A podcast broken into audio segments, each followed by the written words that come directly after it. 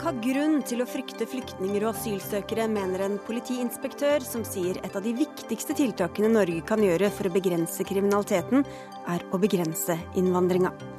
Tendensiøst og misvisende, svarer blogger.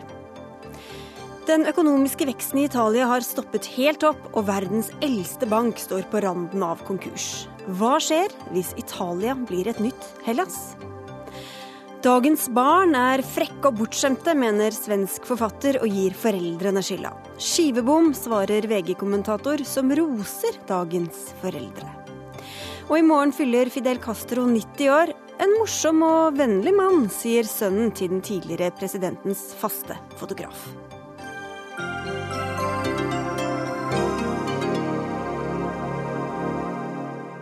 Dette er noen av sakene i Dagsnytt 18 på NRK P2 og NRK2. I studio denne fredagen, Sigrid Solund. Folks fremmedfrykt er høyst rasjonell og berettiget. Det skriver politiinspektør Thomas Utne Pettersen i Haugland og Sunnhordland politidistrikt i en kronikk i Haugesunds Avis i går, og viser til at asylanter og flyktninger står bak mer av kriminaliteten enn andre gjør. Artikkelen har vakt enorm interesse og sterke reaksjoner på sosiale medier, hvor vi finner både støtte og kritikk av kronikken. Og Thomas Utne Pettersen, du er politiinspektør altså i Haugaland og Sunnhordland politidistrikt og er med oss fra studio i Haugesund. Du skriver også at folks fremmedfrykt overfor flyktninger og asylanter er berettiget. Hvorfor mener du det? Jo, For det første så ser jeg en utvikling etter noen år i politiet, der politiet bruker stadig mer av sine ressurser på kriminalitet begått av utlendinger. Og Grunnen til at jeg skrev denne artikkelen, var jo at det var et oppslag i Haugesund Avis for noen uker siden, der på en måte det ble framstilt som om de som var skeptiske til innvandring, det var en følge av kynisme og at folk var for kalde. Og det bildet som jeg ser i min jobb i politiet, det er at eh, asylsøkere i Lille Haugesund nå de senere tida har begått ganske grov kriminalitet. Og det er etter min mening et problem. Eh, så det er viktig for meg å understreke at dette er mine meninger, basert på min erfaring fra politiet. Det er ikke politiet sin på en måte offisielle mening, dette. Det er utelukkende min egen. Mm. Men likevel, hva kan disse uttalelsene du kommer på, kom med, gjøre med folks syn på asylsøkere og flyktninger som også skal integreres i det norske samfunnet? Ja, jeg, jeg, ser at eh, debatten florerer på nettet, så du sier jo at jeg blir kalt rasist og useriøs. Og det, det får jeg ta med meg på veien. Men, og det, det, siste jeg ønsker, er på en måte det. Men jeg mener at politikerne våre må være oppmerksom på at de valgene de tar, og de avveiningene de tar nå, i forhold til hvor mange migranter Norge skal ta imot, det har ei bakside. Og det er kriminalitet. Og de avveiningene der, de, de får nå være opp til politikerne å ta, men de må vite at det har en bakside. Og da mener du det er eh, hva skal vi si, det er, det er naturlig at folk møter folk som kommer hit med, med, frykt? De skal jo helst ikke møte dem med frykt, det er jo ikke det jeg ønsker. Men du ser jo resultatene av dette i det offentlige rom. Nå, nå leste jeg en artikkel i går om at Vegvesenet i sine ansatte var begynt å gå med stikkvester, for de var redd for å bli stukken. Og det forklarte de med kulturforskjeller. At det var en, del andre førere med en annen kultur i Norge for tida. Så kan du selvfølgelig Ja vel, har du statistikk osv. på det, men, men, men det er et skifte, føler jeg, i, i, eh, som vi står overfor nå.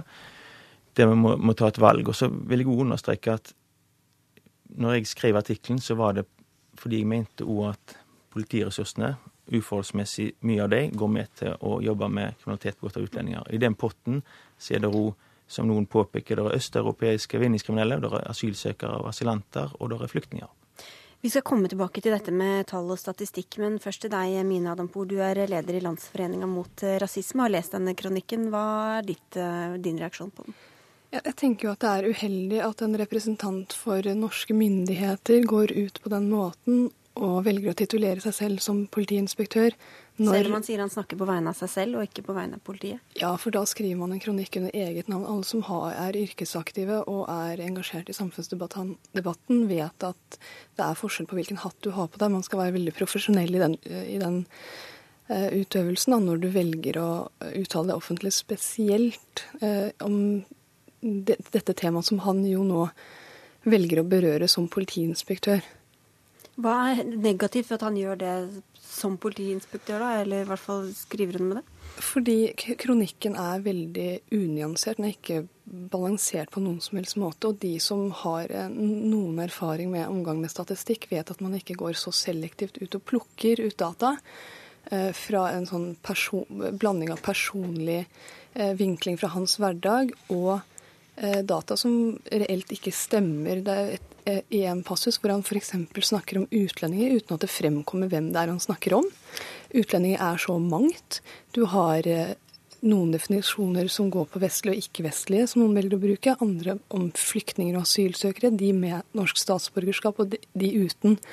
Han presiserer på en måte ikke dette, og hvis man går og gransker de tallene han har fremlagt, så samsvarer heller ikke det med virkelighetsforståelsen til eh, mange som nettopp jobber med dette her.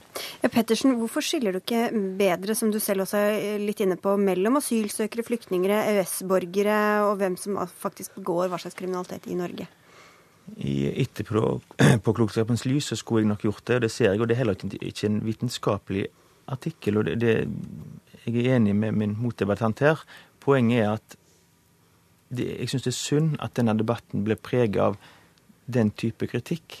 Det er ikke kommafeil i artikkelen, men det er veldig mange nå i etaten vår som, som, henvender seg til meg fra hele Norge, som sier at endelig er det noen som beskriver hverdagen vår. Mm.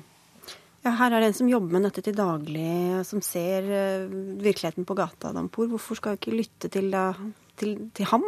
Det skal vi gjøre. Eh, og det er en veldig viktig del av et demokrati at alle innenfor ulike fagfelt også engasjerer seg i samfunnsdebatten. Det er veldig fint at han bruker ytringsfriheten til å beskrive de forholdene han mener å se på bakken.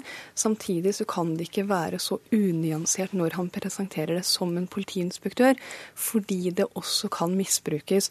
Og det at statistikk misbrukes, kan i verste fall være veldig farlig. Og jeg tror ikke man skal gå så veldig mange år tilbake norsk eh, moderne historie før man vet og, og, ser mennesker som bruker statistikk på en helt vill måte for å si at Europa snart går under, og at Norge står for en stor fare som står på døren, og dette her må vi på en måte bekjempe. Men det politiinspektørene har helt rett i, er at kriminalitet bør man bekjempe, og man bør også forebygge. Så jeg synes det er fint at han engasjerer seg, men jeg ville ikke eh, engasjert meg på samme måte, og jeg ville hatt bedre belegg for dataene jeg fremlegger. Vi skal høre også fra en som er veldig opptatt av statistikken og som har gått gjennom det her. Det er deg, Gunnar eh, Tjomli. Du er forfatter og blogger, og du har eh, skrevet din eget, ditt eget innlegg hvor du, har, eh, hvor du går gjennom punkt for punkt i denne, i denne kronikken. Hva er det du har funnet? Nei, Det er mange ting å peke på, men det som jeg egentlig reagerer på mest, det er jo at han bidrar til å skape et bilde om at Norge blir farligere og farligere å bo i, og så blir det knytta til innvandring. Og All statistikk viser jo at det blir tryggere og tryggere, mindre og mindre kriminalitet. Vi må tilbake igjen til 80-tallet for å finne en tid der det var like lite kriminalitet. En undersøkelse politiet gjennomførte i 2010 viste at 77 av nordmenn eh, følte at det ble mer og mer kriminalitet. Og Det er ganske foruroligende, syns jeg, at folk føler hele tida at det blir farligere og farligere. Og så blir det helt uten grunnlag knytta til innvandringen, eh, som igjen da bygger opp under et sånn hat og en fremmedfrykt. Eh, så jeg syns det er flott at det, det blir retta fokus på det, for det er ingen tvil om at det medfører utfordringer å ta imot mange asylsøkere og, og få en større flyktningbefolkning. Men mm jeg tror liksom ikke måten å løse det på er å gå ut på denne måten og skrive en kronikk der han så til de grader plukker data i, i hytt og pine for å, å, å, bygge opp under syn som rett og slett ikke stemmer med de, de større trendene vi ser i samfunnet, som igjen viser altså at det blir bare tryggere og tryggere her i landet. Jeg håper at kommunikasjonen internt i politiet og hos myndighetene eh, fungerer bedre enn at noen må skrive en kronikk eh, full av statistiske feil for i det hele tatt nå fram med budskapet. at Folk flest har jo dette inntrykket. Virker det som dette skremmende inntrykket av at innvandring er farlig. Mm. Hvis en vil gjøre noe med problemet, så må det jo gå an å gjøre det på en litt mer ryddig måte. Men vi skal, vi skal la Uten Pettersen få svare. altså at du, at du, bruker statistikk på en villedende måte og bygger opp under fremmedfrykt. Hva svarer du på det? Det siste jeg vil, i hvert fall, det er å bygge opp under fremmedfrykt. For det, det ønsker jeg ikke. Men poenget er at, som jeg sier, vi som jobber i politiet, er av den oppfatningen at vi bruker altfor mye ressurs, eller en uforholdsmessig stor del av våre ressurser på kriminalitet begått av utlendinger. Og grunnen til at jeg, altså De tallene jeg viser til jeg, var, jeg, lurte jo faktisk på hvor mange sitter på Ullersmo fordi vi fengsler så mange utlendinger. Det, det, er en stor del av vår hverdag å fengsle utlendinger som begår kriminalitet. Og Da ringer jeg til Ullersmo, og de forteller meg at jo 50% som sitter her, er utlendinger. Og Det er ikke asylsøkere alle, og det er ikke flyktninger alle, men det er utlendinger. Og det er østeuropeere, asylanter og flyktninger. Og det er et veldig høyt tall, trodde jeg, helt til jeg i dag fikk vite at tallet er jo egentlig mye høyere. Det er 55% og normalt så ligger det på 60 og 70% utlendinger på Ullersmo. Grunnen til det er blitt lavere nå, det er fordi at um, de blir sendt til Norge og Hafen eller til, ja, til utlandet. De utenlandske kriminelle. Det jo... Og, og det, vi kan ikke unn... Altså, du kan godt henge deg opp i feil bruk av statistikk, og hvis det, jeg har gjort det, så må jeg beklage det. Men hør på de konkrete sakene. Hør på problemet politiet har, for det er viktig. Adam Poor. Jeg vil bare Adam Poor først, skal du få svare, Tjomli. Vi ser jo at eh, det har vært en økning i antallet som er blitt fengslet som har eh, ikke-etnisk norsk bakgrunn, om du vil, etter innlemmelsen av flere østeuropeiske land eh, i EU på 2000-tallet, midten av 2000-tallet. Eh, men det uten å være kanskje litt mer redelig på i denne debatten, er å ikke koke, sause sammen veldig mye forskjellig. For hvis han ønsker at Norge skal melde seg ut av EU- og EØS-samarbeidet, hvor Norge da får ta del i det indre markedet til EU, mot at man da har fri flyt av arbeidskraft, og også innpass av andre som kommer hit og som begår eh, kriminalitet, så må jo han ta den debatten og gå i bresjen for å melde seg ut av det. Det har på en måte ikke vi som har kommet til landet som flyktninger, eller har vært asylsøkere en gang, noe med. Mm. Pettersen? Mm. Jo, det, det, er et godt poeng, det. Og jeg prøver jo Jeg skriver jo òg utlendinger i artikkelen min. Ja, Men du begynner med asylanter og flyktninger, og så går du videre til å snakke om alle utlendinger. Da er det kanskje ikke så mm. rart at folk tolker det som at dette er asylsøkere som står bak? Ja, det, det, var ikke min mening, og derfor mente jeg at jeg bruker begrepet utlendinger der det hører hjemme, og asylsøkere der det hører hjemme.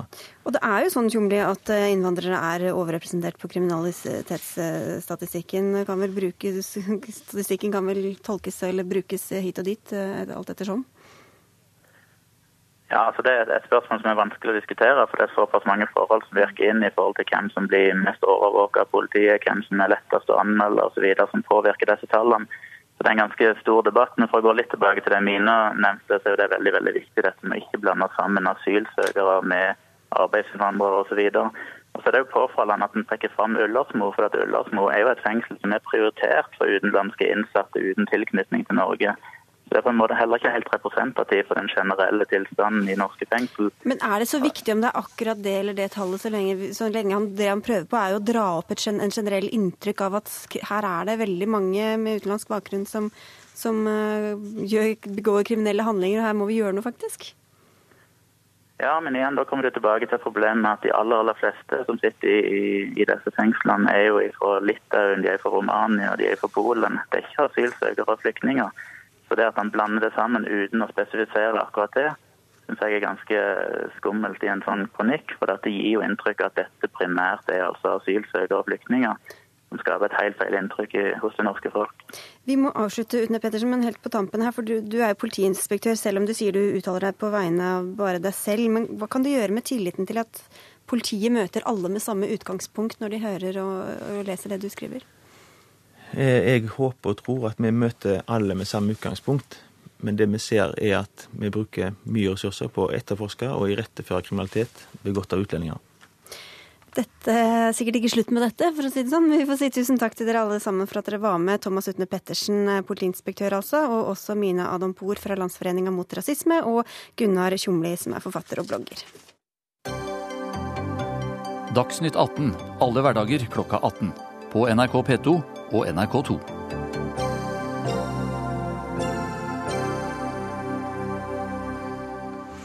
Statkraft har fått mye oppmerksomhet de siste ukene, med bytte av styreleder og påstander om inhabilitet. Og fra å snakke om vennskap og tekstmeldinger, skal vi nå se på hva selskapet faktisk skal drive med framover. Og hvordan eh, Og hvordan, ja. Statkraft er nå Europas største produsent av fornybar energi, med over 4000 ansatte i 20 land. Bygd opp med verdiene fra norske vassdrag. Høyre har tidligere luftet høyt å kunne delprivatisere Statkraft, og nå ser det ut til at de kan få med seg KrF og Venstre, som tidligere har vært imot, skriver Dagens Næringsliv, som legger til at Arbeiderpartiet, Miljøpartiet De Grønne og SV er imot en slik løsning. Og hvorfor er dere så skeptiske til å delprivatisere Statkraft, generalsekretær eller partisekretær i SV, Kari Elisabeth Kaski? Vi er skeptiske fordi Statkraft eh, har vært en enorm suksess så langt, eh, som et Eh, heleid statlig selskap. Eh, vi ser at det har vært en viktig bidragsyter til å bygge opp Norge som en fornybar nasjon, og er nå i ferd med å bli også eh, et grønt lokomotiv globalt. Det er den største fornybare aktøren i Europa. Det har vi fått til når det har vært et statlig selskap. Men så ser vi nå at de siste årene så har det vært dårlig eierstyring av Statkraft, med mye uforutsigbar politikk, der man har gitt i lovnader om mer kapital, trukket tilbake den kapitalen og bidratt til at Statkraft ikke har kunnet realisert de ambisiøse planene de har hatt for fornybar energi internasjonalt. Men ingen grunn til å delprivatisere, skjønner jeg? Nei, vi ser ingen grunn til å eh, Eller at det løser noe problem. Mm. Vi får høre med deg, Gunnar Gundersen. Du er stortingsrepresentant og næringspolitisk talsperson for Høyre. Hva går egentlig dette forslaget om delprivatisering ut på? Ja, Først vil jeg si at det er jo veldig historieløst av eh, SV. Vårt forslag går ut på at vi skal skille den norske delen og utenlandssatsingen i Statkraft. For vi ser at vi må finne hvilke rammer Statkraft skal få for at man virkelig skal lykkes ute. Altså I den perioden SV satt i regjering, så ble det tatt beslutninger i Statkraft som førte til at de har tapt 15-16-17 milliarder kroner på utenlandssatsinger. Det er siden 2010. Alle beslutningene tatt mens SV satt i regjering. Så å kalle det en ubetinget suksess når man Hvis vi hadde gitt 15 milliarder i skattelettelser, så hadde SV kommet til å frese. Okay, men... men når man deler de pengene til et selskap som så feilbedømmer eller gjør eh, ting i utlandet, så er man ikke kritisk i det hele tatt. Det men, men nå skifter jo dere ut styret her, da. Kan, hvorfor kan det ikke løses bare ved bedre, bedre styring, da, i stedet for, bedre, for å delprivatisere? Jo, nettopp derfor. For det, jeg og Høyre har jo tro på at det å bredde da kompetansen, bredde eierskapsmiljøene, gi flere miljøer innpass inn i Statkraft, vil gi en helt annen mulighet til å lykkes ute. Vi skal huske på Her går Statkraft inn i veldig mange forskjellige land, i veldig mange forskjellige kulturer. Det er uhyre vanskelig. Og, og det at man eh, har en, vel, en, en, en tilgang til en norsk Eh, råvare som vann, det gjør ikke at man automatisk er konkurransedyktig i de landene. For å få det, en dette, bedre kompetanse, Kaski? Ja, det her er jo å slå eh, inn åpne dører. Altså Når Statkraft eh, satser i utlandet i dag, så, så satser de jo sammen med andre private selskaper. Og bidrar sånn sett både med sin egen kompetanse, som jeg ikke syns vi skal kimse av, men er også opererer og høster kompetanse fra andre private selskaper. Og nå har det altså vært sånn at når du satser på fornybar energi i den, eh, hva man skal si, det paradigmeskiftet som vi står i nå, så vil det være sånn at vi er nødt til å bygge opp nye teknologier, nye muligheter. Det vil være noen tap. Det har jo Statkraft bl.a. hatt på gasskraft i Tyskland. Men du trenger altså også da store statlige lokomotiver som kan gå inn med betydelig med kapital og kompetanse. Så Statkraft sitt problem har jo ikke først og fremst vært at de ikke er gode nok til å kunne satse i utlandet, men at det har vært politisk eh, kan man skal si, dårlig eierstyring og uforutsigbar eierstyring. Det er jo Statkraft enig mener jo selv også, Gundersen. Men Forslaget er jo nettopp at vi, vi tror alle at Statkraft har mye kompetanse å bidra med. Vi har erfaringer med, med, Statoil og vi har erfaringer med Telenor, der en delprivatisering har bidratt til begge selskapene har lykkes på en helt annen måte ute. Så jeg tror vi skal bringe med oss de erfaringene, og så skal vi si at den norske delen av Statkraft den ligger der urørt. Og, og så får vi diskutere rammene for at man skal unngå den type tap og nedskrivninger eh, som man nå har hatt de siste årene i Statkraft. Dere er jo avhengig, Nå er ikke dette vedtatt høyrepolitikk ennå, men dere er jo også avhengig av å få med dere flere. Og nå setter dere døra på gløtt, Hans Fredrik Røvan. Du er stortingsrepresentant for KrF, som var imot delprivatisering i våres. Nå er dere altså på glid. Hva har fått dere til å eventuelt endre mening? Altså, la meg først uh, slå fast at når det gjelder norske vannkraftressurser, så tilhører det det norske folk, og det er helt uaktuelt for KrF å være med på noen som helst form for delprivatisering som, som rører ved det prinsippet der. Eh, når det gjelder Statkraft, eh, som det er allerede blitt sagt, så besitter de en betydelig kompetanse og muligheter til å være med og bidra til å gjøre verden grønnere utenfor Norge. Og eh, Statkraft er allerede en internasjonal aktør. Hvis det allerede er sagt, trenger du ikke å si det om igjen. Nei, eh, men det som er mitt poeng, og for å få fram eh, vårt budskap her, så ønsker vi å reise spørsmålet hvordan kan vi sette Statkraft i stand til å gjøre det internasjonale engasjementet på best måte. Og da er vi åpne for å diskutere et delprivatisering av eierskap. Men det var ikke et spørsmål hva, som har fått dere til å, til å eventuelt endre mening? Vi har egentlig ikke endra mening. Vi har venta på en stortingsmelding om Statkraft. Vi er fortsatt innstilt på at Statkraft skal være i eier, norske stat skal være eier av Statkraft. Men vi syns det er riktig å være med og åpne opp for en diskusjon eh, som kan være med å sette Statkraft i enda bedre stand til å kunne både ta risiko, bruke sin kompetanse, men ikke nødvendigvis bare med norske skattepenger. Anders Bjørtnes, du er klimablogger, du er redaktør i eh, Klima og Energi, og mannen bak den mye brukte frasen 'det grønne skiftet'. Vi har hørt litt om norske vannkraften, arvesølv. Vi må ikke selge arvesølv, er det mange som skriver, bl.a. på lederplass i VG. Men du kaller også dette en avsporing? Ja, jeg mener det. Det er, det er ingen her som har foreslått å selge noe arvesølv. Det handler om hvordan du skal, måte, Vi må ha to tanker i hodet samtidig. her. Det ene, ene, er et spørsmål hvordan vi skal sikre at eh, at staten eller fellesskapet får eh, de ekstraordinære inntektene som norske vannkraften gir. Det er på en måte den ene sida ved saken. Og den andre er hvordan vi skal sikre at Statkraft kan vokse internasjonalt. Og, og ekspandere ute i verden. Og Det er det både, både gode klimaargumenter for og gode kommersielle argumenter for at bør ordnes. da. Og der mener jeg det at på den, på den, liksom, den norske Hvis vi ser på den norske biten av dette, norske vannkraften, så må en få til en ordning, må, er nødt til å sikre at, den, at, dette, at inntektene der kommer eh, oss alle til gode. Og så kan, må vi diskutere hvordan vi kan få til den ekspansjonen. og Der tror jeg at det hadde vært en fordel å fått inn private eiere. Bl.a. for å hindre at politikere som Gundersen kloa, eller kan ta kloa i, i, overskuddet og bruke ja. det som en saldering når, når, det trengs før jul i Stortinget. Ja, Så du, egentlig dette forslaget fra Høyre er du egentlig helt for, da, selv om du kom med dette stikket til Gundersen? Ja, fordi at jeg syns den, den, sånn Høyre opptrådte her i fjor høst, var jo helt hårreisende. Og det er helt skandaløst at et parti som Høyre opptrer på den måten. Så dere må redde Statkraft fra dere selv, egentlig, Gundersen? Er det det dere gjør? Nei, det er det ikke. Vi skal skape rammer for at selskapet skal kunne satse utenlands. Det, og, og, vekk fra det, grådige politikerhender, enten de kommer fra det ene eller andre partiet, da? Nei, de vil være den norske delen vil jo være eid 100 jo, Men takke på investeringsmulighetene til Statkraft, f.eks.? Nei, men vi la jo til rette. Men, eh, men vær oppmerksom på at det var utbytte fra Statkraft som skulle være en del av den kapitalutvidelsen. Og nå har jo ikke Statkraft den utbyttekapasitet som de hadde. Så, så det er viktig å diskutere hvordan skaper også stabile rammer for at Statkraft skal være så, ja. så stabil som alle forventer. Hvorfor, skal det være, altså hvorfor er det best for Statkraft Kaski å ha politikere, altså hvert år være avhengig av budsjett og statsbudsjett som skal salderes? Jeg heller snu på Altså, hvorfor eh, vil de privatisere? Og Høyre svarer jo her egentlig på et problem de har skapt sjøl. Altså, Nikolai Astrup sa i Dagbladet, eller skrev i Dagbladet i vår at Dagbladet mener at Statkraft har et politisk problem. Den beste måten å sikre seg mot det er nettopp å børsnotere selskapet.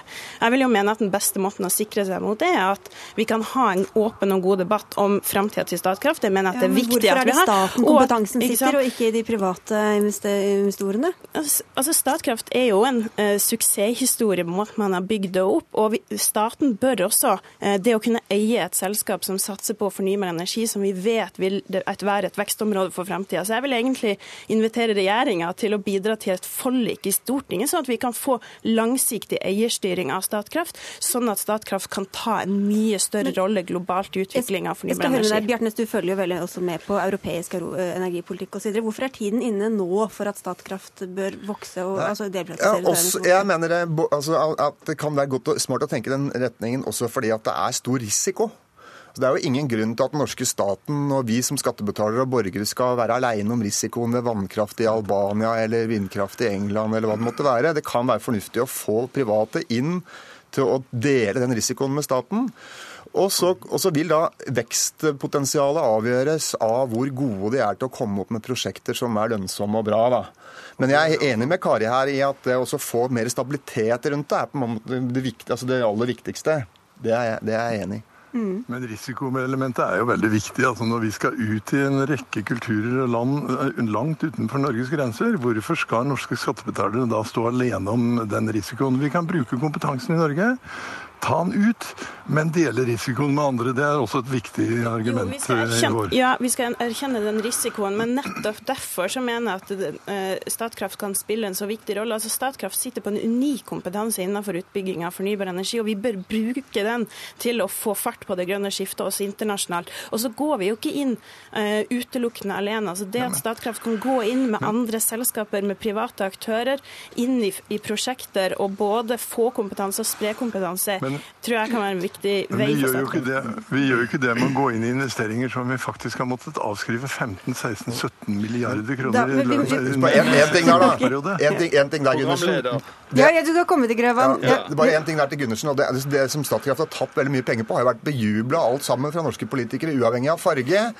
Det er jo kongen og kronprinsen og greier som har vært med å åpne disse gasskraftverkene som viser seg å være en katastrofe. Ja, nå pirker du borti vonde sår. grøver Grøvan, du skal få komme. Men jeg, jeg syns dette blir en litt rar diskusjon, for det virker nesten som at uh, Kaski fra SV her snakker om at uh, det å delprivatisere snak, betyr en begrensning av Statkrafts muligheter til å kunne ta internasjonale prosjekter. Det er jo tvert om. En ønsker å sette det i stand til å kunne bli en enda viktigere og større aktør, men at en skal kunne bruke kapital fra private private selskaper i tillegg. Kjære venn, altså, De har jo blitt Europas største fornybarselskap gjennom å være heleid statlig selskap. Altså, Det er jo ikke sånn at privatisering løser eller bidrar og setter de noe mer i stand. Tvert imot så bør jo staten nettopp eie et selskap som kan vokse i de markedene. Må, jo, men hvorfor har vi gjort det sånn med Statoil og, og Telenor, hvor vi har eh, hatt en del privatisering? De var vel, SV var vel imot det også, det var feil person å spørre. Men når, når får vi vite hvor dere eh, ender i KrF, da?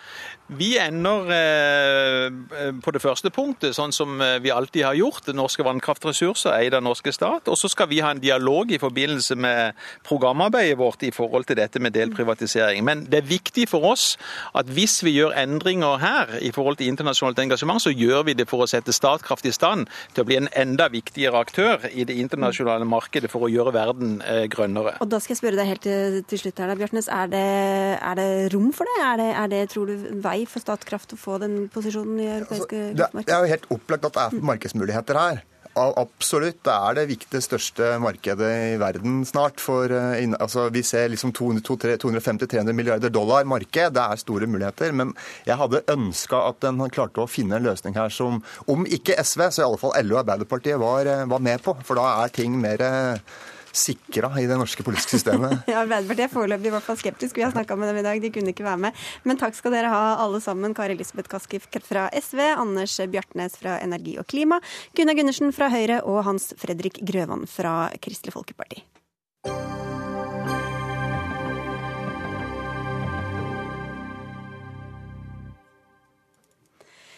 Det er lite som opptar eh, i hvert fall mange foreldre enn nettopp det å være foreldre. Og i VG pågår nå debatten om hvor gode foreldre vi er her i Skandinavia. For en svensk forfatter og blogger skriver at barna er frekke og bortskjemte, og foreldrene har skylda for at de ikke tør å sette hardt mot hardt, engasjerer seg for lite og la være å irettesette ulydige barn. Det er eh, du som tar opp alt dette, bl.a. i en ny bok, altså, forfatter og blogger Malin Birgersson. Hvor hvordan begrunner du dette at barna er blitt så frekke og bortskjemte? Jeg merker det tydelig i skolen når jeg hilser på i skolen, at, barnen, at, at lærerne får legge mye tid på å vente inn barna, at de skal være tyste og at de eh, skal sitte på sin plass, og at de, eh, at de svarer imot lærerne. og at de ikke det er dårlig med respekt. Det merker man. Og man merker det ute i butikker, at barn skriker og tigger. og foreldre gir med seg i stedet for å ta konflikten. Og, mm. Men dette med at voksne syns at barn er ubehøvlede og respektløse, har vel hørt siden Sokrates minst. Ja. Så hva, hva, slags belegg har du for å si at det er blitt verre nå? Jeg sier ikke at det er verre, jeg sier at det er et problem. Mm. Mm. Ok, Men at det skyldes foreldre, oppdragelsesstilen til dagens foreldre? Jeg syns at foreldre er for late og for slappe, og at de er redde for å ta konflikter med sine barn. Astrid Mæland, du er kommentator i VG, og du kasta deg på og kommenterte utspillet til, til Birgersson her i din egen avis. Du skriver at hun tar grunnleggende feil. På hvilken måte? Ja, Det var akkurat til det at uh, foreldre engasjerer seg for lite. Det var det Malin sa. Jeg tror Malin er rett i en god del. Men, du syns også at barna er litt frekke og altså, Nå har jeg fått boka til Malin, og den skal jeg hjem og pugge. Jeg trenger litt råd sjøl. Uh, men um, jeg tror aldri foreldre har engasjert seg så masse som nå. Vi er med på fotballtrening, eh, gjennomorganisere hverdagen til barna. og Det er ganske stor forskjell, tror jeg, bare fra når jeg vokste opp. Da jeg vokste opp, da var vi en god del eh, alene. Lekte alene. Jeg holder med om det. Jeg syns at foreldre legger mye tid på sine barn i dag. Og er med i skolen og på aktivitet og så. Men jeg syns at foreldre legger mye tid på å bli beste kompis med sine barn i stedet for å være foreldre. Så hva slags foreldre er det du etterlyser, da? Jag vill ha en förälder som engagerar sig mycket men som är tydlig med regler och som är, lägger mycket energi på att lära barnen rätt och fel och är konsekventa och som inte hotar och sen inte håller det. Som säger att gör du inte så får du ingen iPad och som tio minuter senare ger iPaden i alla fall för att det ska vara lugnt. Är det någon som gör sånn alltså? Jag har hört att det finns. men, men du, du, viser også til eksempler fra din egen vennekrets. Altså, hva, er det, hva er det du selv har opplevd som har fått deg til å Alltså det som drog igång den här debatten egentligen för två år sedan. Det var ju ett inlägg jag skrev om en eh, väninna som var hemma hos mig med en sexåring och ett syskon till den då och vi satt och fika och det var, det blev sådär uppstissat den här situationen och den här eh, pojken kallar sin mamma för jävla fittmamma eh, och säger jag ska döda dig. Men, och den här mamman liksom, ah, nu ska vi fika och hon såg ju på mig att jag blev jättearg. Eh, och min första reaktion var liksom att ta på dig skorna och gå ut, vi pratar inte så här inne. Och det var jätteviktigt för mig att markera det inför mina barn, att de ser att det är ikke okej. Okay. Men slo ikke du vrang på butikken eh, da du var liten, og tror ikke at eh, barn jo. for 50 år siden, for 100 år siden var like Absolutt. vanskelige? Opprøret og Jo, jeg skrek sikkert i butikker, men da åkte jeg ut. Men, men da, da hadde du ikke noe forebyggende virkning? Hvis du skrek like mye, så var det ikke oppdragelsesstilen? Jag har gjort det och jag gick ut. Sen gjorde jag inte om det. Jag vet i skolan när jag gick i tvåan, jag tuggade tuggummi och en fröken kom fram till mig med papperskorgen och skällde på mig, jag skulle spotta ut tuggummit. Jag vågade aldrig tuggummi i skolan igen. Det var jättepinsamt. Lär, man lärde ju sig. Men altså, statistikken er jo ganske god for norske ungdommer. Jeg vet ikke hvordan det er i Sverige, men det er jo roligere i norsk skole nå enn det var for 30 år siden. De, karakterene går opp, og de mobber mindre. De er fornøyd, har høyere trivsel, drikker mindre that mindre tidlig sex, mindre Ja, ganske, går ganske bra. Jättebra. Ja. I Sverige har vi stora problem i skolan. Ja, jag kan inte uttala mig för Norge, för det känner jag faktiskt inte till. Men jag har ju eh, vänner som bor i Norge som också säger att de är med i skolan och ser att det är problem att, alltså, just det här att lärarna får lägga mycket tid på att uppfostra barnen istället för att lära ut. Eh, jag tror inte det är bara i Sverige att det är ett problem.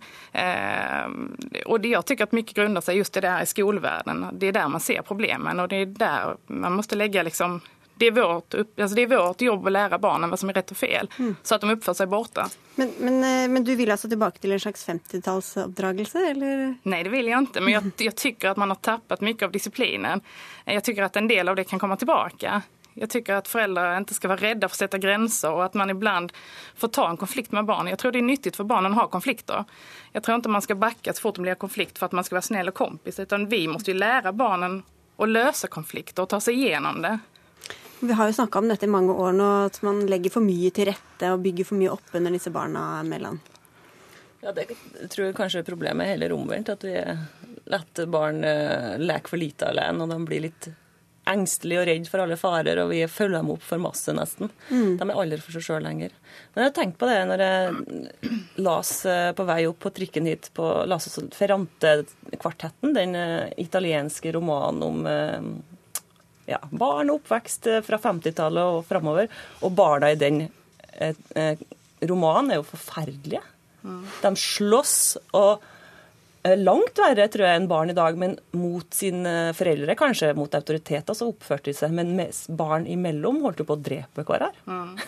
Jeg, jeg, jeg tycker at det er viktig eh, med grenser og eh, med disiplin, men selvklart i kombinasjon med jättemycket kärlek. Det er jo det som bygger opp trygge barn. Om, barnen, om man elsker sine barn, om man liksom man samarbetar med dem, sätter gränserna tillsammans, men sen att man är noga med att de hålls, så tror jag att man har trygga barn när de vet vad som gäller. Jag kan inte bara komma och skrika på mina barn, så får du inte göra, om jag inte har förvarnat den. Men om mine barn vet at vi ritar ikke på tapetene. Vi har sagt det, det gjør vi ikke. Men hvordan skal de utvikle sin egen personlighet hvis de ikke skal opponere mot foreldrene? Og... Men det er klart at de skal få. Altså, det er ikke det jeg sier. Det er klart at de må få si imot. Og det er det jeg er for. Jeg vil jo at man skal ta konflikten og diskusjonen, og ikke bare backe og si gjør som du vil, så blir allting lugnt.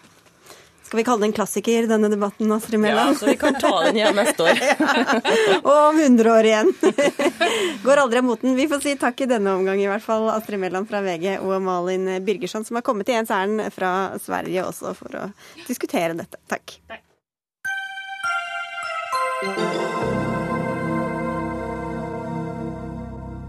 Europas økonomi er fortsatt ikke friskmeldt etter gjeldskrisene i Hellas, Spania, Portugal, Irland. Nå frykter flere økonomer at Italias banker kan dra med seg hele eurosonen i en ny økonomisk krise. Den økonomiske veksten i landet har nemlig stoppet helt opp. Italias eh, eldste og tredje største bank er også i trøbbel. Banken Banca Montedei Paschi di Siena gjorde det dårligst av 51 europeiske storbanker på en stresstest gjennomført av den europeiske banktilsynsmyndigheten. Får vi en ny økonomisk krise, kommer banken til å ha store problemer med å dekke de råtne lånene sine, viser testen. Velkommen hit, journalist og forfatter Simen Ekern, du bor til vanlig i Roma. Eh, Italia er jo altså banksektorens fødeland. Beskriv den situasjonen de italienske bankene befinner seg i nå. Ja, Det er jo disse råtne lånene som du nevner. 360 milliarder euro eh, som i større eller mindre grad er penger som bankene ikke kan regne med å se igjen. Og Det er jo en konsekvens av, eh, av krisen. Mange små og mellomstore bedrifter som ikke klarer å betjene gjelda si etter de vanskelige økonomiske tidene. Eh, som gjør at, at banksektoren er inne i, i i de problemene. I tillegg kommer en del uh, snusk og fanteri, særlig i den eh, eldste banken i verden, uh, som du nevnte, der det er vanstyre i tillegg til de mer større makroøkonomiske trendene som gjør at, at banken er i, i, store problemer. Vi snakket i mange timer her i Dagsnytt 18 om Hellas, da det landet var i krise. Hvor, hvor store likheter er det mellom Hellas før krisa der og Italia i dag? Hvis du spør eh, de aller fleste italienske økonomer og politikere, så vil de gjenta mange ganger etter hverandre at Italia er ikke Hellas. Italia er ikke Hellas. Det gjorde de i forrige runde i krisa, og det vil de si nå med ganske stor rett. Det er jo eh, noen likheter hvis vi klipper ut Sør-Italia eh, f.eks. og ser på ungdomsarbeidsløshet og framtidsutsikter, så, så ligner det Svart økonomi osv. Svart økonomi er jo kanskje et enda større problem i Sør-Italia. økonomisk kriminalitet kriminalitet. Men, men, Italia sett under ett har jo en helt annen økonomisk styrke enn det Hellas eh, har hatt. En mye mer variert økonomisk eh, sektor. Helt annen eh, eh, Et helt annet forretningsliv eh, og, og, en mye mer solid økonomi enn det Hellas var. Så det fins sammenligningspunkter, men, men, men, Italia er ikke Hellas. Det tror jeg stemmer. Det som er likheten, er jo naturligvis at fordi Italia er en mye større økonomi, en viktigere økonomi, eurosonens tredje største, så er problemer i Italia i enda større grad eh, europeiske eh, problemer. Og Det er jo derfor både bankkrisen og disse tallene i dag som viser at den italienske økonomien eh, stagnerer, gjør at andre europeiske land følger med, også pga. de politiske konsekvensene det økonomiske trøbbelet kan få i Italia, og, og kanskje ringvirkninger utover i Europa. Hvilke ringvirkninger kan komme da? Det vi ser nå er jo at For statsminister Matteo Renzi så er disse siste økonomiske tallene forferdelig dårlige. Han er avhengig, har vært det hele tiden, av å selge inn en slags et optimistisk budskap om at Italia er på vei til å starte igjen etter finanskrisen. Nå kommer vi i gang. Han har fått gjennomført en del viktige reformer.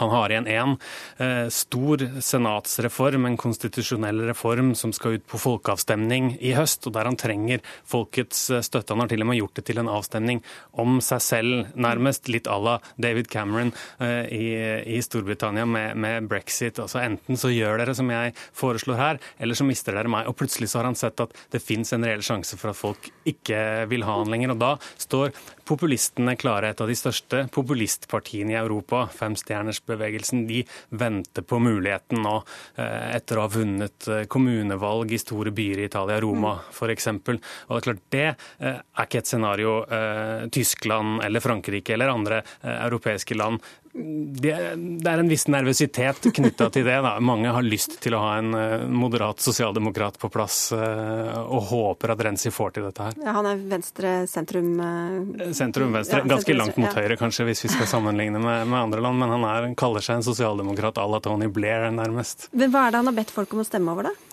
Ja, dette er en, en, reform av eh, Senatet, der han mener at det er en måte å gjøre, eh, gjøre, politikken billigere på i Italia. Man har jo blitt kritisert både for å ha for mange politikere med altfor høye lønninger og for store privilegier. En måte å strømlinjeforme måten man organiserer politikken på, og også gjøre det lettere å få stabile regjeringer. Det er jo, Selv om Silvio Berlusconi satt eh, lenge av gangen, så har det jo vært sånn de siste årene at, at regjeringer ikke sitter så, så, trygt. Motstanderne mener jo at dette er en reform Renzi får gjennom for å sementere makten og holde på den eh, selv. Og plutselig så har det fått, fått, det, har det fått en del eh, støtte da, blant, blant, mange. Det er blitt en viss sånn motstandsbevegelse. Mm.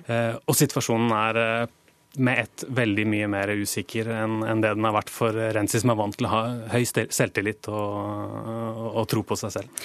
Nervøse dager i Italia, så vi får si takk til deg, Simen Eken, for at du svingte innom Dagsnytt 18. Hør Dagsnytt 18 når du vil. Radio NRK.no.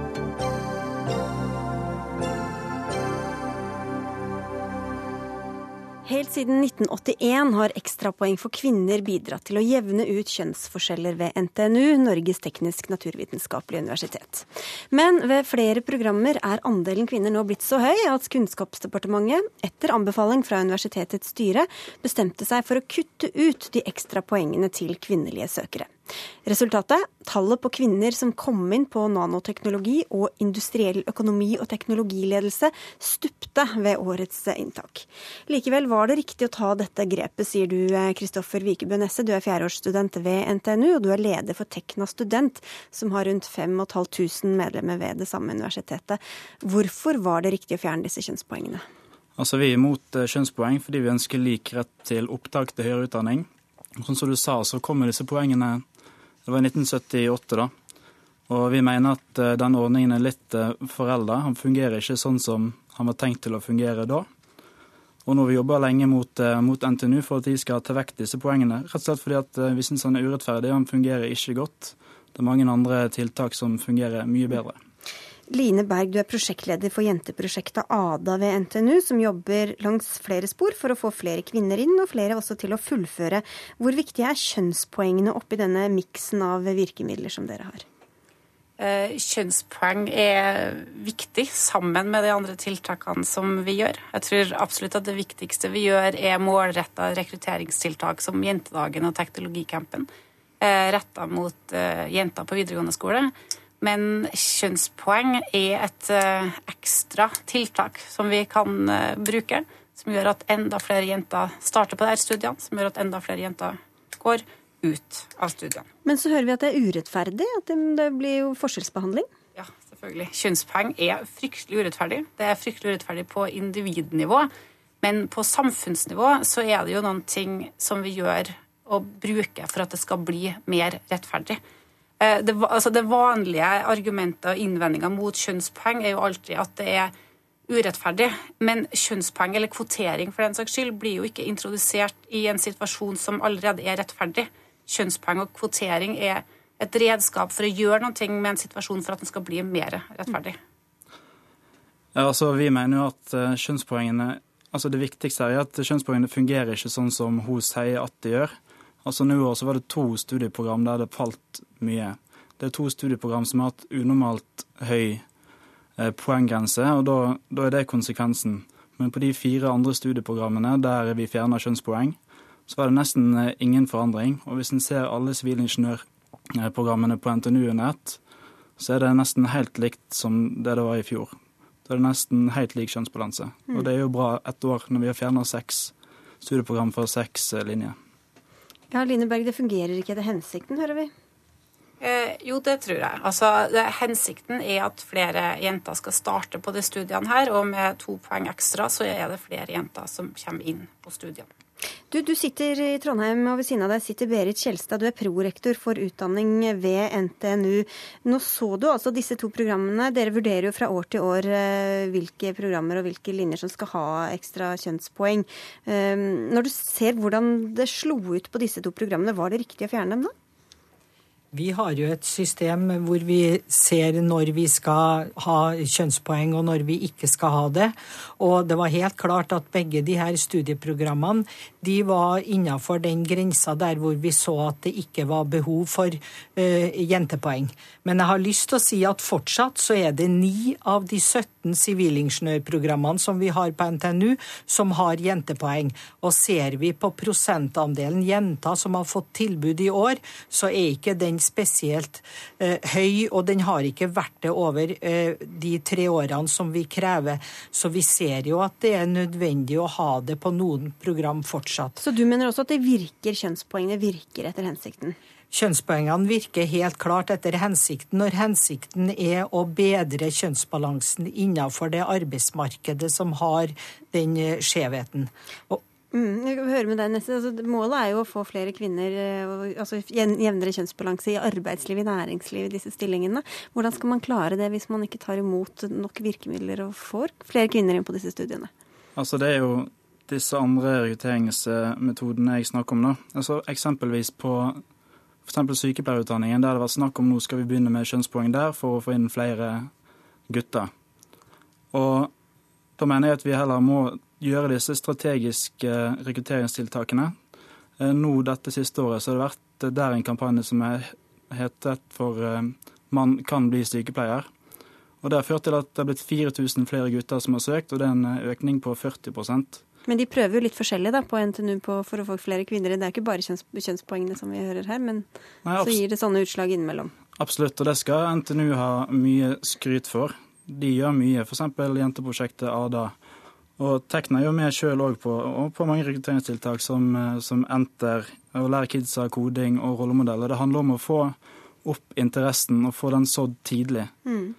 Eh, Kjelstad var instituttlederen ved, det ene, altså ved Induc, det ene, den ene programmet her. Monica Rolfsen sier til Adresseavisa at hun advarte mot hva som kom til å skje, og sier at det setter dem ti år tilbake i tid.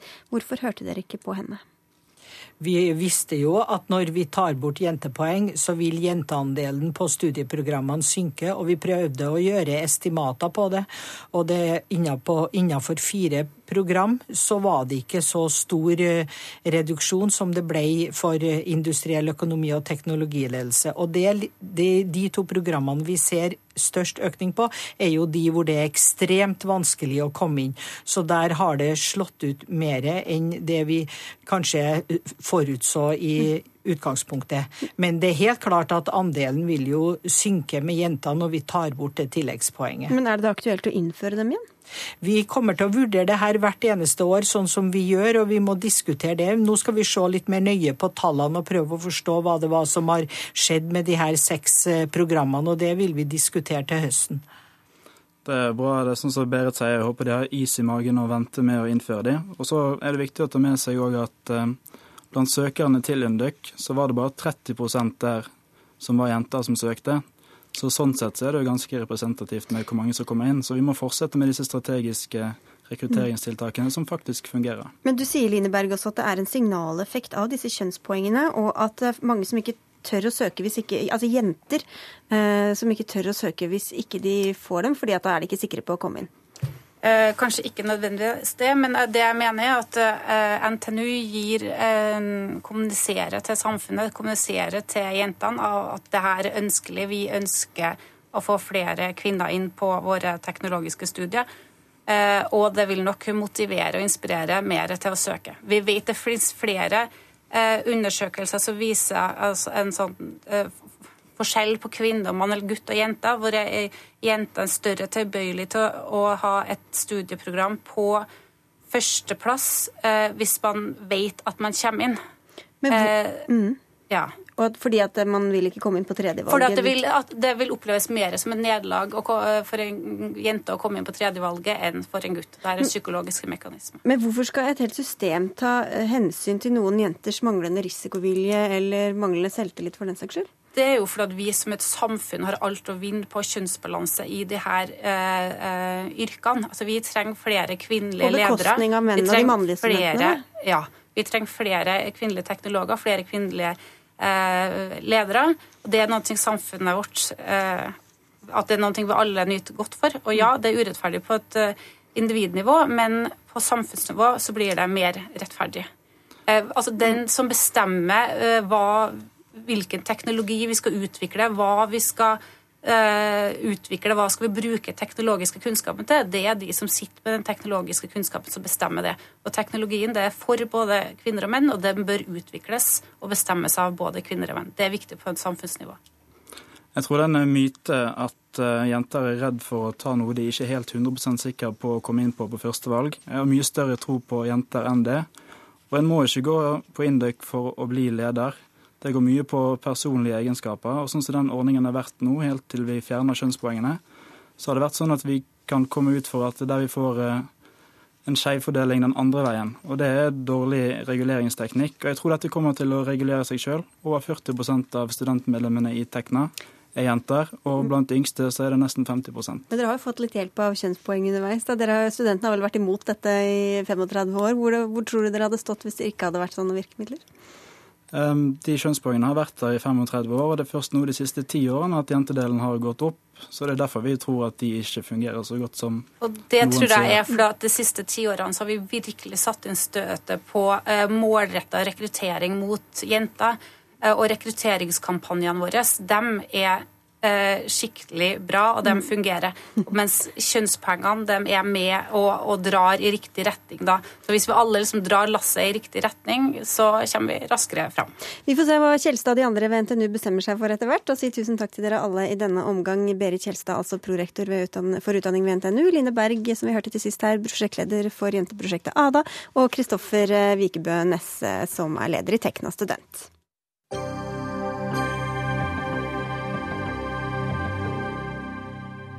Han har lagt sine berømte sigarer i skuffen, opptrer svært sjelden offentlig og har overlevd over 600 drapsforsøk. I morgen fyller Cubas tidligere president Fidel Castro 90 år. Den revolusjonære Castro var med og styrtet diktatoren Batista i 1959, og i løpet av få år gjorde Castro om Cuba til den første sosialistiske staten på den vestlige halvkule. Terje Enger, du er redaktør av Cubanytt og mangeårig medlem av Cubaforeninga i eh, Norge. Og du var svært nær begivenhetenes sentrum under og etter revolusjonen. Hvordan vil du beskrive Castros rolle i det hele? Castro har jo vært eh, han har jo vært en kraft hele tiden. Helt fra 1953, som han gikk, inn, gikk til angrep på en militærleir som var mislykka. Og han ble jo, ble jo, dømt da, men starta da den eh, geriljabevegelsen som, eh, som førte til seier i løpet av relativt eh, kort tid. Og jeg ser på Castro som, som motstandsbevegelsen på Cuba, fordi at det var jo, Cuba var jo nærmest et USA-protektorat. USA, I Cubas lover er det regler som gir USA rett til å gripe inn. Eller det var. Mm. Så han er jo han er jo Cubas redningsmann. Jeg ser at du sitter med en SV-pinn på deg. Jeg vet ikke om det er relevant å opplyse lytterne om det. Men eh, ja, det er jo litt ulike politiske syn på, på ja. Castros uh, rolle. Jeg kan jo kan si et par ord om det, kanskje. Fordi at jeg var jeg, De første gangene jeg var på Cuba, så var jeg sjømann. Og når jeg kom hjem, så var det pga. revolusjonen. Altså båten som jeg var på, fikk eh, mista sine oppdrag pga. Eh, revolusjonen. Vi lå altså i Havanna da, de, de dagene. Og da, og da når jeg kom hjem, da, så, så oppdaga jeg at, eh, at eh, en norsk avis skrev om Cuba. Og, og, da var det en skandale med at Norge hadde sendt våpen til Batista. Mm. Og da meldte jeg meg inn i det partiet som hadde utgitt den avisen, Orientering. Okay. så sånn er det. Du har ikke møtt Castro selv, men det har du. Eh, Fidel Alberto Diaz, du er med oss på telefon fra Flisa. Du er sønn av Fidel Castros tidligere skal vi kalle ham hofffotograf, Alberto Corda. Hvordan var det å vokse opp med en far som jobba for Fidel Castro? Du møtte ham jo også selv mange ganger. For meg var det helt normalt, liksom. Det var bare en i, I utgangspunktet Jeg var veldig, veldig ung da. Jeg er født i 61. Så på en måte er jeg revolusjonsbarn, liksom. Mm. Men um, det, det, var ikke store saker ut av det, liksom. Han var en av disse vennene til pappa. Hvordan var forholdet dem imellom, da? Veldig, veldig vennlig. Det, det, det prater mye. Det spiste sammen veldig ofte hjemme hos oss. Og, og det pratet om alt mulig, som selvfølgelig jeg forstår ikke en bare av. Men eh, det, det pratet eh, på bordet, for å si det sånn. Mm. Ja. Men de, de eh, røk litt uklare etter hvert? Eller de de var venner en stund, og så, ble, og så opphørte vennskapet, eller hvordan? Ja? Nei da, nei da. Nei, nei. Det, jobbet eh, veldig tett sammen eh, det første tiåret av revolusjonen. Sånn er det en periode hvor det, det skjedde veldig mye. Eh, Castro reiste landet rundt og gjorde vanda og hit og pinne. Så han var en fyr som sovde et par timer om dagen mm. hver dag, liksom. Og sånn holdt jeg på med han i ti år, liksom. Eh, Enger, bare for å snakke litt om Castro i dag. Han trakk seg jo som president for ti år siden mm, av helsemessige årsaker. Hva vet vi om, om tilstanden hans i dag? Ja, Tilstanden hans er god i dag. Eh, I hvert fall er det det offisielle bildet. da. Men, mm. men han er ute blant folk òg. Og han var, holdt jo tale på partikongressen f.eks. Så han virker frisk og, og oppegående. Situasjonen på Cuba, da, hvordan vil du beskrive den i dag? Ja, Den er jo selvfølgelig vanskelig, men det har den vært i 60 år. Så, men, men Cuba er i framgang, vil jeg si, da, selv om det, selv om det går sakte. Og det er vel, etter min mening, så er det USA som trenger å få heva blokaden mer enn Cuba. Fordi at Cuba har jo bygd opp et nettverk i Latin-Amerika med CELAC, Alba, Petrocarib, Eh, Banco Sur, masse, eller masse, masse felles eh, markeder. Mm. Så de, eh, de, vil greie seg, men det er, det er vanskelig for dem. Dias, jeg bare også lyst til å si at uh, faren din også bak, står bak det ikoniske Che Guevara-bildet, som sikkert veldig mange kjenner til. Uh, men du må også bare fortelle, du forlot Cuba som 24-åring. Hvorfor valgte du å reise fra landet? Uh, det, det, det, er litt innvinklet, fordi som sagt, jeg, jeg tilhørte en klasse. Fordi til og, med, til og med i kommunismen er det klasser. Og jeg, sammen med andre, mange andre, mm. tilhørte en klasse og jeg studerte på spesielle skoler og sånne ting hele min eh, skoletid. Fordi eh, vi skulle være det, den som overtok eh, systemet og utvikle det, liksom. Mm. Men veldig tidlig, pga. bl.a. min nærhet av, toppen, jeg skjønte veldig fort at dette her er det noe som er ikke helt som det skal. Og etter hvert jeg skjønte at jeg kan ikke være en aktiv del av dette her. Så jeg klarte å holde meg i mange år eh, bort fra alt. Eh, uten å havne i trøbbel. Men etter hvert det systemet inn å, å prøve sitt. da. Du vet hva, jeg, jeg skjønner, og vi, beklager, men vi må avslutte der. Vi må si tusen takk for at du var med. Dere skal ut og feire i kveld, eh, Enger. Vi må si takk for at dere var med i Dagsnytt 18, som ikke har mer tid, eh, dessverre. Castro fyller altså 90 år. Noen feirer, og noen ikke. Gjermund Jappé, Lisbeth Selreit og jeg, Sigrid Solund, ønsker god kveld. Hør flere podkaster på nrk.no podkast.